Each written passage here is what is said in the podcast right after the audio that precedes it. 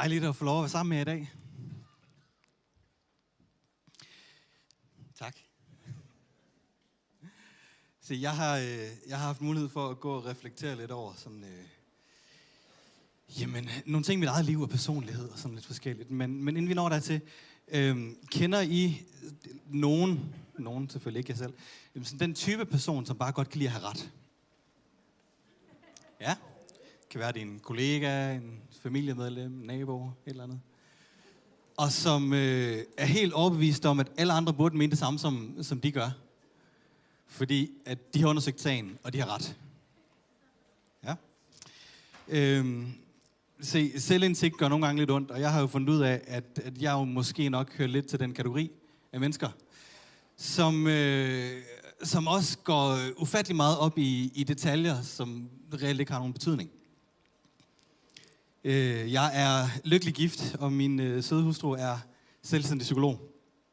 Og på et tidspunkt så øh, havde hun været ude til et, øh, en samtale med en potentiel samarbejdspartner, sådan et, øh, et større privathospital i Danmark. Og hun kommer glad hjem og vil egentlig gerne fortælle mig om forløbet. Hvad er det, de har talt om, og hvad der er sket, og hvad er... Og så siger hun så, ja, jamen jeg kom jo derop, og så, øh, og så skulle jeg snakke med hende, der er chef for den her afdeling, hun hed øh, Anna. Øh, og så begynder hun at fortælle om indhold, og, og så er det, jeg stopper hende og siger, øjeblik, øh, har du ikke sagt til mig før, at hun hed Anne? Er det ikke... Øh... Og, og Camilla, hun ryster det sådan lidt af sig. Jo, det kan godt være, det kan jeg ikke lige huske. Men, men altså, vi talte om det her, og så, amen, ah, men ah, jeg er altså rimelig overbevist om, da vi talte om det i går, så sagde du, hun hed Anne. Hed hun Anna, eller hed hun Anne? Altså, er det, det, det er vigtigt, ikke? Altså, hvordan har du tænkt dig at adressere hende, når du møder hende næste gang? Ikke? Altså, vi skal lige have detaljerne på plads. Og, øh, og jeg er sådan lidt frustreret over, at Camilla, hun ikke vil øh, altså, tage det til sig. Altså, er det ikke det, der er vigtigt at vide, hvad folk de hedder? Er det ikke det? Jo. Og hun er frustreret over, at jeg fuldstændig har misset pointen i den her samtale. Ikke? Fordi hun prøver at fortælle mig om noget, der har noget indhold, og vi når dertil, hvor, hvor jeg ikke rigtig kan tage det ind, fordi at jeg har brug for lige, at hun anerkender, at jeg havde altså ret i, at hun hed Anne. Og når hun så har taget det til sig, så kan vi komme videre. Ja? Kender I sådan den type? Ja, jeg bliver der sagt. Dem, der råber højst, det er som regel, fordi man kan genkende noget af det i sig selv, ikke? Det er ikke sådan? jeg ved ikke, hvad det er. Det kan godt være, at du ikke måske ikke helt genkender dig selv lige i det scenarie. Men, men den der sådan trang til at, øh, at have ret, og ikke bare trang til at have ret, men også til ligesom at vise, at vi har ret, den, den ligger bare så dybt i os på en eller anden måde. Og vi, øh, vi bevæger os snart ind i sådan en tid med noget valgkamp.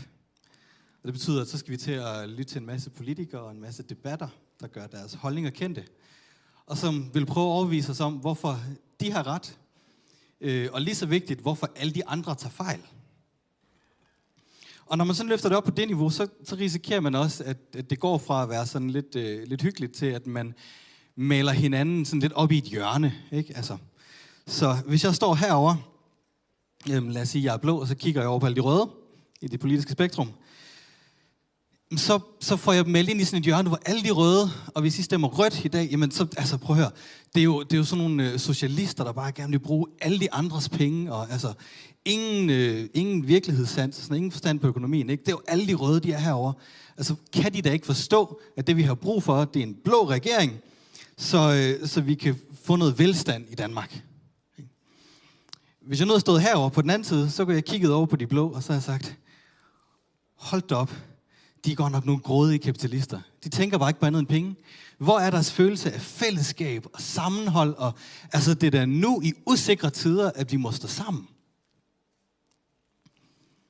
Og det her er sådan lidt, øh, nu er det lidt karikeret måske, men i virkeligheden så er det nok ikke så langt fra virkeligheden, ikke? Der er sådan et, øh, der er et begreb, der hedder correspondence bias, eller sådan lidt, lidt nemmere dansk ord er, øh, er tilskrivningsfejl. Og, og hvis man er i tvivl om, om det er godt eller skidt, det ligger i ordet tilskrivningsfejl. Øh, det, det går ud på, det er, at man tager nogle ting, som, øh, som et menneske gør, eller siger, eller mener, og så tilskriver man den ting til deres karakter. Vi skal give et sådan lidt, øh, lidt enkelt eksempel. Lad os sige, at du har en øh, kollega, igen, det er naturligvis ikke dig selv, Du har en kollega, som måske konsekvent kommer en lille smule for sent til aftaler, møder, måske møder lidt sent ind på arbejde. Så danner der sig et billede i dit hoved af, hvad er det for en type person?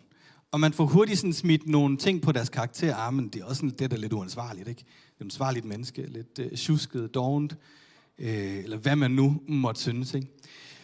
Og man tager den her ting, som de gør, og så tilskriver man den deres karakter og siger, at hvis du kommer for sent, så er du sådan en type menneske. Det kalder man en tilskrivningsfejl, fordi man ikke kan vurdere mennesker på enkeltstående handlinger eller holdninger. Så hvis nu du stemmer på enhedslisten, jamen så, så må det betyde sådan karaktermæssigt, så er du simpelthen, øh, du er måske lidt hippie øh, og har, mangler virkelighedsfornemmelse. Ikke? Det er en tilskrivningsfejl. Hvis du stemmer nye borgerlige, så er du per automatik racist. Det kan ikke være anderledes. Tilskrivningsfejl. Ja. Og det interessante ved den her, øh, den her tilskrivningsfejl, det er, at vi bruger den sjovt nok aldrig om os selv. Er det ikke rigtigt? Så hvis jeg kommer for sent, så er det ikke fordi, at jeg er hverken uansvarlig eller doven eller noget som helst den dur. Så er det simpelthen fordi, børnene de ville bare ikke, som jeg ville i morges. Det var simpelthen svært at få dem ud af døren. Øh, det er fordi, der var kø på motorvejen. Øh, og der kan være så mange forklaringer på, hvorfor jeg er kommet for sent. Men det gør ikke mig uansvarlig, vel? Og hvis jeg stemmer enhedslisten, eller hvis jeg stemmer nye borgerlige, eller hvis jeg stemmer et eller andet indimellem, så er det jo fordi, må jeg nok forstå, at det er til landets bedste.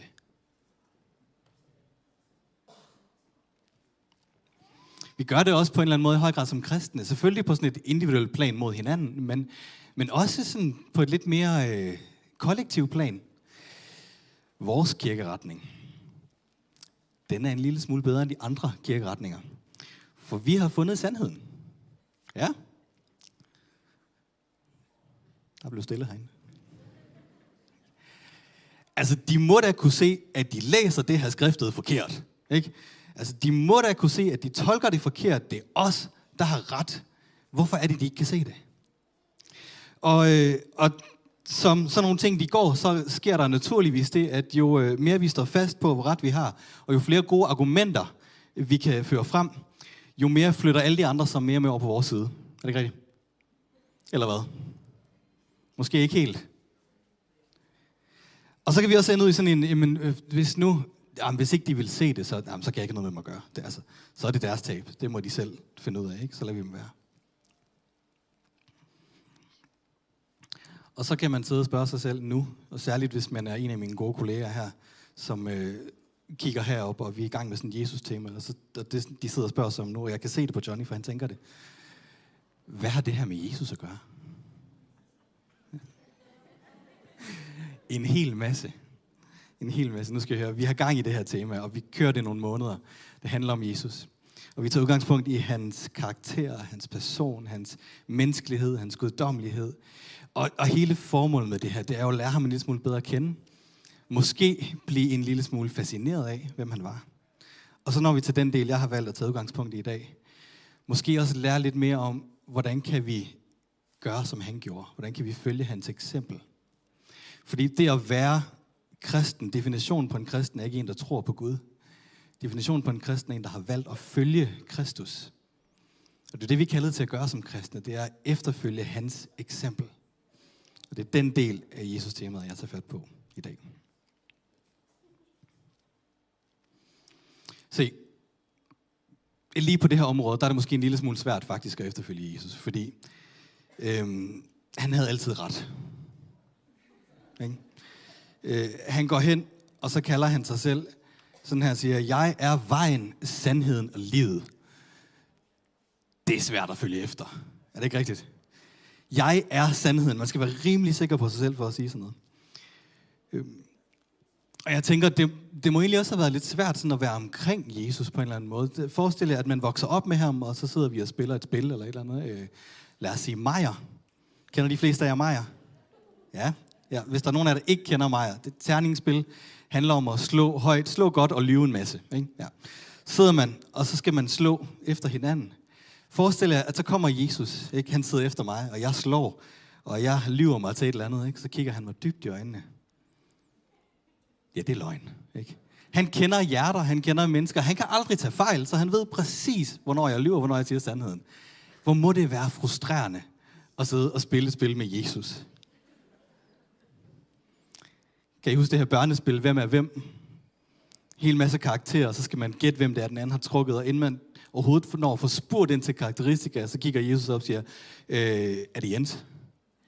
Ja, det var det. Det var det spil. Ikke? Han havde simpelthen altid ret, og han vidste alt om alle. Hvis vi nu laver sådan et tankeeksperiment, forestil dig, at det var dig.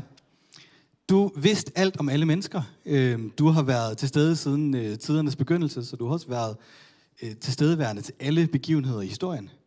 Hvordan vil du bruge det? Hvordan vil du bruge den, lad os kalde det en superkraft? Hvordan vil du bruge det? Udover at gå ned og øh, vælge næste uges lottotal, hvad vil du så gøre i din interaktion med andre mennesker? Hvordan vil du bruge det? Vil du bruge det til at, øh, lad os sige, jamen måske forfølge en karriere i politik? Nu er vi sådan i den verden. Skal vi sige, øh, jeg har mulighed for med alt det, jeg ved, jeg ved, hvad der er sandt, jeg ved, hvad der er godt, jeg ved, hvad der er rigtigt. Så måske skulle jeg blive statsminister, så kunne jeg få det her land på ret køl. Ikke? Hvis vi hiver det sådan lidt mere ned i en-til-en samtaler, vil du rette mennesker, hver gang de sagde noget, der var forkert? Altså Camilla og jeg, vi kunne diskutere, om hun hed Anne eller Anna. Der er ingen af os, der reelt kunne huske det eller ved det. Jeg har jo ikke mødt hende, og Camilla kan ikke huske det. Jesus han vil vide det. Vil du gå ind i samtaler, når du hører nogen sige noget, der åbenlyst var forkert, enten bevidst eller ubevidst? Hvordan vil du bruge det? Så Jesus han kendte alle, kendte motiver, kendte hjerter, og alligevel så misbruger han det aldrig. Og faktisk så siger han sådan her på et tidspunkt til sine disciple. Der er meget, jeg kunne sige om jer og dømme jer for. Ikke? Ja. Han ved alt om dem. Alt, hvad de har gjort. Og han siger, der er rigtig meget, jeg kunne sige om jer. Og der er rigtig meget, jeg kunne dømme jer for. Men lad mig nøjes. Så tænker okay, hvad er det så, han nøjes med? Lad mig nøjes med at sige, at han, som sendte mig, er sandheden. Og det budskab, jeg har fra ham, er det, jeg giver videre til menneskene. Okay, så han ved alt om de her disciple. Han ved, hvad de har gjort forkert, hvornår de har løjet, hvornår de har tænkt noget, de ikke kunne tænke. Og så siger han, jeg ved alt det her, men jeg vælger at holde min mund alligevel. Det synes jeg er ret interessant. Han ved så meget om dem, og så siger han, det er ikke det, jeg er her for. Det er helt ved siden af pointen. Jeg er her med et budskab. Jeg har et budskab fra min far, som jeg skal give videre til jer. Og det er, at Guds rige er nær og inviteret til at være en del af det. Jesus han kunne have gået efter magten, efter den traditionelle forstand. Han kunne have blandet sig i alle diskussioner. Han ville aldrig nogensinde have tabt en. Han kunne have kigget på mennesker og udskammet dem hvis han syntes, at de var lidt i vejen. Men langt størstedelen af tiden, så går han slet ikke ind i de her diskussioner. Og faktisk så gør han det ofte kun, når han bliver tvunget til det, eller når, man, når han ser, at der er nogen, der skader andre mennesker. Forestil dig, at der var en i din omgangskreds, som vidste alt om dig, kendte dine dybeste, inderste hemmeligheder, og havde muligheden for at udstille dig egentlig. Ikke det nødvendigvis ville gøre det, men de havde muligheden for det. Er det sådan en type person, man måske normalt ville søge hen imod, eller trække sig væk fra? Jeg tænker som oftest, man ville trække sig lidt væk fra dem. Fordi der er ingen grund til at lægge mere brand på bålet og give dem mere ammunition, vel? Det er ikke altid sjovt at være sammen med et menneske, som ved alt, hvad du har gjort. Alle dine fejltagelser. Men Jesus, han fungerede omvendt på de mennesker, der var omkring ham. På trods af, at han havde evnen til at vide alt om dem og dømme dem. Så havde han en tiltrækningskraft, fordi han valgte ikke at bruge det. Men han gjorde noget andet i stedet for. Og det er ikke fordi, han ikke gik op i, hvad der var rigtigt og forkert. Øh, han er definitionen på, hvad der er rigtigt. Ikke? Det er ham, der ligesom har sat barnen for det. Men han prøvede at vise, at der var en anden vej. At der er noget andet, der går forud for sandheden. Nemlig kærlighed og noget. Johannes evangeliets første kapitel siger det sådan her. Ordet blev menneske og slog sig ned i blandt os. Det er Jesus her. Vi fik lov at se hans herlighed, en herlighed, som den fuldkommende søn har fra sin far, fuld af både noget på den ene side og sandhed. Et øh, relativt kendt eksempel på det her er i Johannes evangeliet kapitel 8. Der er løvhyttefest i Jerusalem. Det betyder, at der er tusindvis af mennesker, der er valgfartet. Og øh, de fester, og de hygger sig, og der er undervisning, og de sover alle sammen i en masse telte ude, udefor. Og der er helt sikkert også nogen, der har fået alt for meget at drikke i det her tilfælde. Og så sker der det en morgen, at Jesus han sidder nede i templet, og han underviser, og så kommer der en gruppe ned til ham.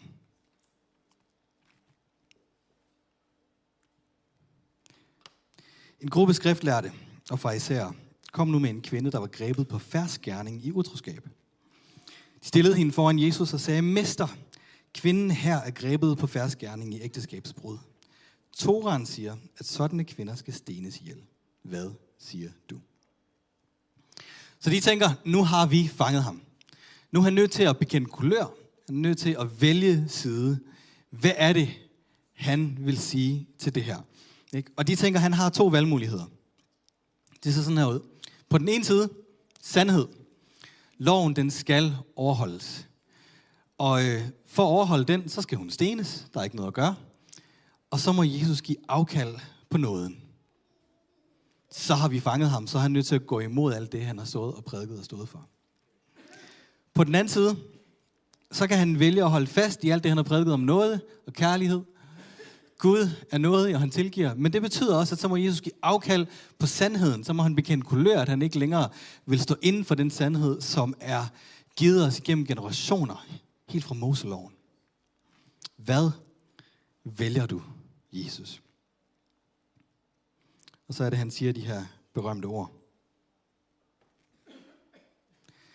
Den af jer, som uden synd, skal være den første til at kaste en sten. Og lederne, de kan godt se, hvor det bærer hen af, så de lægger deres sten fra sig, og en efter en, så trisser de så småt væk. Læg mærke til, at han hverken går ind og forsvarer det, hun har gjort, eller anklager hende. Han går faktisk hen og vælger en helt tredje mulighed. Han gør sådan her. Han vælger noget og sandhed. Og i virkeligheden, så prøver han, inden vi når til det her, så prøver han faktisk bare at vælge ingenting. Han prøver bare at holde mund, og se, hvad han kan slippe afsted med. Til, altså, men de bliver ved med at presse ham, og så, så er det, han reagerer. Og han siger, var der ingen, der fordømte dig, siger han til kvinden. Det gør jeg heller ikke, der har vi nåden. Gå nu bort og synd ikke mere, der har vi sandheden. Han laver ikke en tilskrivningsfejl, hvor han antager, at hendes handling er ens betydende med, at det er kendetegnende for hendes karakter. Men han viser hende en anden vej. Og jeg har nogle gange tænkt, hvordan ser det her ud i dag? Fordi til del så ved vi ikke alt om alle mennesker, så vi kan ikke gøre det, som Jesus han gjorde. Øhm, men vi kan måske forsøge at kigge på, hvordan er det, vi ser andre mennesker. I husker det nok, men for nogle år siden, så, øh, så var der sådan en hel debat omkring Facebook, de var inde og, øh, og ændre muligheden for, hvordan man kan kategorisere sig selv i forhold til køn. Gik fra, at man kunne kategorisere sig selv som mand og kvinde, til, jeg tror dengang var det nogen af 50 eller et eller andet forskellige muligheder, man havde. Jeg ved ikke, hvad I tænkte, men, men jeg, min sådan umiddelbare respons, den var, hold da op, det er da lidt latterligt. Altså, prøv at høre. Kristen eller ej, biologisk set, så har vi to køn, ikke? Der er mand der er kvinde. Det er de muligheder, der er. Hvad skal vi med 50? Det var min umiddelbare respons. Min næste respons, når jeg prøver at se det sådan i lyset af, hvad Jesus han gjorde, det må så være, okay, måske skal jeg ikke gå så meget op i, om der er 2, 10 eller 50 køn inde på Facebook. Måske skulle jeg overveje i stedet for at vide, hvordan det må være at være et menneske, som føler sig utilpas i sin egen krop. Kan vide, hvordan det må være at være et menneske, som ikke oplever at passe ind i de kategorier. Måske det er der, vi skal møde mennesker, i stedet for at gå ud og sige, der er kun to køn. Det kan ikke være anderledes. Det er biologisk bevist. Slut. Måske det er en anden mulighed. Måske, og igen, nu bliver det en lille smule karikeret, det er kun for at underbygge pointen, så bag over med mig. Måske så skulle vi kigge på hinanden med nogle lidt andre øjne. Hvad hvis vi kigger på vores, hele vores ældre generation, og så tænkte, det er ikke bare mennesker, der er håbløst umoderne og ude af trit med tiden. Det er mennesker, der har udrettet en masse. Det er mennesker, der har livserfaring. Det er mennesker, der har visdom. Det er mennesker, vi kan lære af. Hvad hvis vi kiggede på hele vores yngre generation, og ikke bare tænkte, de er historieløse og, altså, og totalt umodne. De mangler noget erfaring. De skal ud og have noget hår på brystet. Hvad hvis vi kiggede på dem, og så tænkte, de er en exceptionel styrke, og øhm, de kommer med så meget innovation og nytænkning. De er en kraft i sig selv. Hvad hvis vi så på hinanden på den måde? Når det er, at vi møder mennesker, der er anderledes end os, tænker anderledes, tror anderledes, har andre holdninger, og gerne derude, hvor vi har så svært ved at forstå dem, hvordan er det så, vi møder dem? Er det ved at sætte hælene i, og så tænke, jamen jeg har tænkt over det, jeg har regnet den ud, jeg har undersøgt det, så jeg har ret, og de tager fejl? Eller kunne vi stille os over for dem og være nådige, og så sige, gav vide, hvorfor du mener det, du mener. Gav vide, hvorfor du har det, som du har det. Og være nysgerrig på hinanden i stedet for. Jesus han promoverede enhed og relation langt højere, end han promoverede ret og rettigheder. Og jeg tror på, at det her, det er sådan noget, der kan forandre verden. Og det er ikke bare sådan en kristen floskel, ikke? det er sådan noget, vi hører så tit, det er at forandre verden, alt godt. Men det er ikke utopi, fordi det er rent faktisk sket før. Det er sket. Jeg skal give et eksempel på det. De første kristne, det vil sige de kristne, der var lige efter Jesus han døde og opstod igen, de var nemlig ikke kendt for at have ret. Ofte så tog de gruelig fejl. Øhm, men de var kendt for at elske. Den dag Jesus han bliver korsfæstet og dør, øh, på den dag, der er der øh, så mange kristne i verden. Der er nul. De findes ikke. ikke? Alle dem, der har fulgt ham i årene op til, de, øh, de har totalt mistet tilliden til det, fordi de havde troet, at han skulle komme, og han skulle sejre, og lige pludselig så er han blevet korsfæstet som en kriminel. Og de er spredt ud for alle vinde. De nærmeste, de sørger. De jødiske ledere tror, de har vundet. De romerske ledere tænker, de har afværget et oprør blandt jøderne. Så der er nul kristne. Hvis vi så springer 350 år frem i tiden, så gør romeriet det, at de indfører kristendommen sådan, som den eneste officielle romerske religion. Og alle de her andre guder, de har tilbedet helt op til, de mister både politisk og økonomisk støtte. Og man kan spørge sig selv, hvad sker der i mellemtiden? Vi går fra nul kristne, og til en lang periode med forfulgte kristne i øvrigt, og så til, at de bliver accepteret. Til i dag, hvad er vi? Lidt over 2, 2 milliarder? 2,2 milliarder, tror jeg, der bekender sig som kristne i et eller andet omfang. Man er nødt til at spørge sig selv, hvad verden skete der? Vi gik fra 0, Jesus er død. Det er klart, opstandelsen er jo det altafgørende i det her. Men selv efter Jesus, han har forladt jorden, selv efter at både Paulus og Peter, to af de mest prominente kristne ledere, at de døde, så fortsætter den her bevægelse med at vokse. Der sker det, at romeriet begynder at krakelere en lille smule. Rundt omkring, så begynder de at miste territorium. Øh, I år 64 starter en stor brand i Rom. Rygterne siger, at det var kejseren selv, der havde brændt noget af, så han kunne bygge nyt. Men de kristne får skylden for det. Og alt, hvad der går galt i Romeriet, det får de kristne skylden for. Grunden til, at de gør det, det er, at i al den her tid og i årene op til, der har romerne, de har haft deres egen guder, og de har tilbedt dem, og så har de udvidet deres territorium. Hver gang de har overtaget et nyt folkeslag, et nyt land, så giver de de her folk lov til at blive ved med at tilbede deres egne guder, under forudsætning af, at de også vil tilbe deres guder, de romerske guder. Og det er der rigtig mange, der gør. Men det gør de kristne ikke. De kristne, de nægter at tilbe andre guder end deres Gud.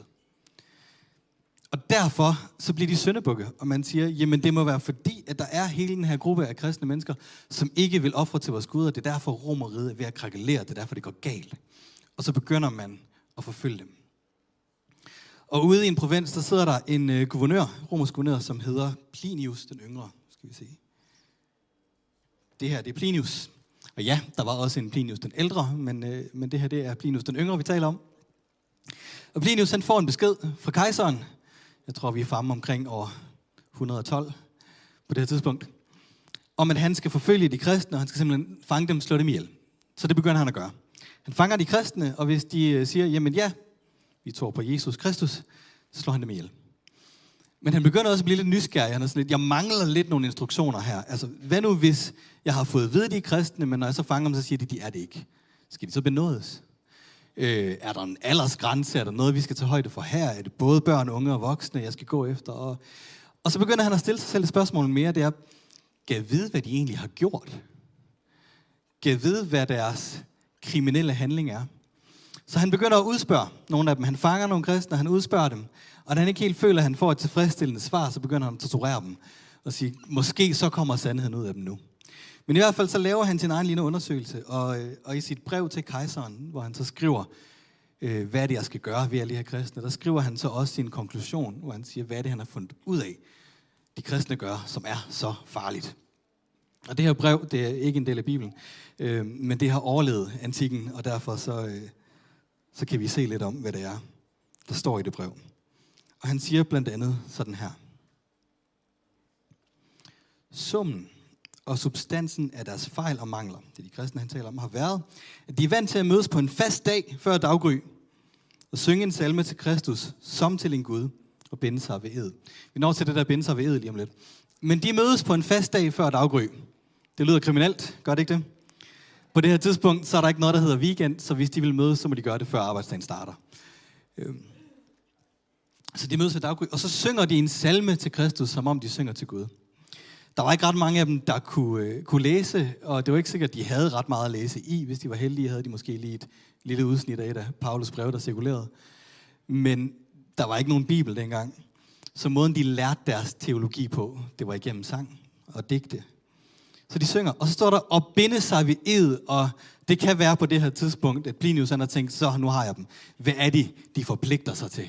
Hvad er det, de vil? Nu kommer det kriminelle. Og så skriver han sådan her, de binder sig ved ed. Ikke til forbrydelser. Nå, men hvad så?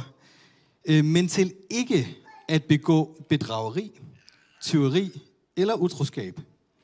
Og efterfølgende så deler de et måltid af normal og uskyldig mad.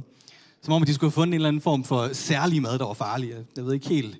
Jeg har ikke sat mig nok ind i det til at, til at forstå den del af det. Men de forpligter sig til ikke at begå bedrageri, teori eller utroskab. Til ikke at være uærlige.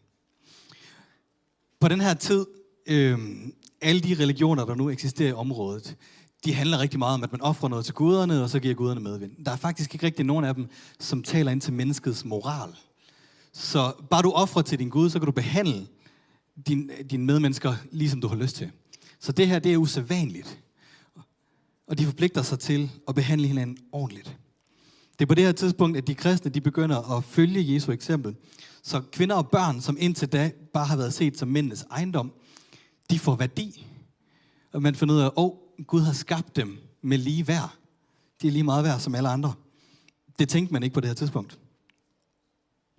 Når folk bliver syge, når folk blev, øh, blev syge, blev alvorligt syge dengang, så gjorde man det, at man enten så sendte man dem ud, fordi man skulle ikke smittes, de skulle ikke få pest resten af byen. Øh, og hvis det var en stor nok epidemi, så efterlod man dem, og så flygtede man selv. De kristne, de er ikke bange for at dø, så de går ind, og så tager de sig af de syge, der er blevet efterladt.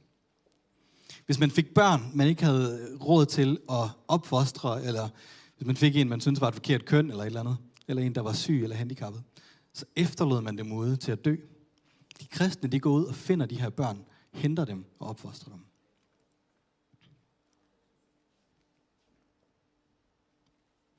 Selvfølgelig havde de kristne også deres udfordringer. De var ikke perfekte på nogen måde.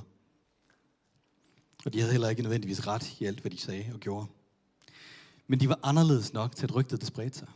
De var anderledes nok til, at der var nogen i Romeriet, som syntes, de var farlige. Fordi hvorfor er de så anderledes? Hvorfor har de ikke vores værdier? Og de vokser. Og de var anderledes nok til, at de var tiltrækkende. Til, at der var flere og flere, som sluttede sig til dem. Og jo større de blev, jo farligere synes Rom, at de var. Indtil de på et tidspunkt blev så store, at man måtte gå ind og så sige, vi kan ikke ignorere dem længere. Nu bliver kristendommen romerigets officielle religion. Grunden til, at kristendommen den bredte sig fra nul kristne på dagen for Jesu død til lidt over 2,2 milliarder, det er ikke fordi folk de stiller sig op og sætter hælen i og så siger, hør på mig, jeg har ret. Jeg har sandheden. Jeg har hørt, hvad Jesus sagde. Det er fordi, de viste det, som Jesus viste. medmenneskelighed, nåde og kærlighed.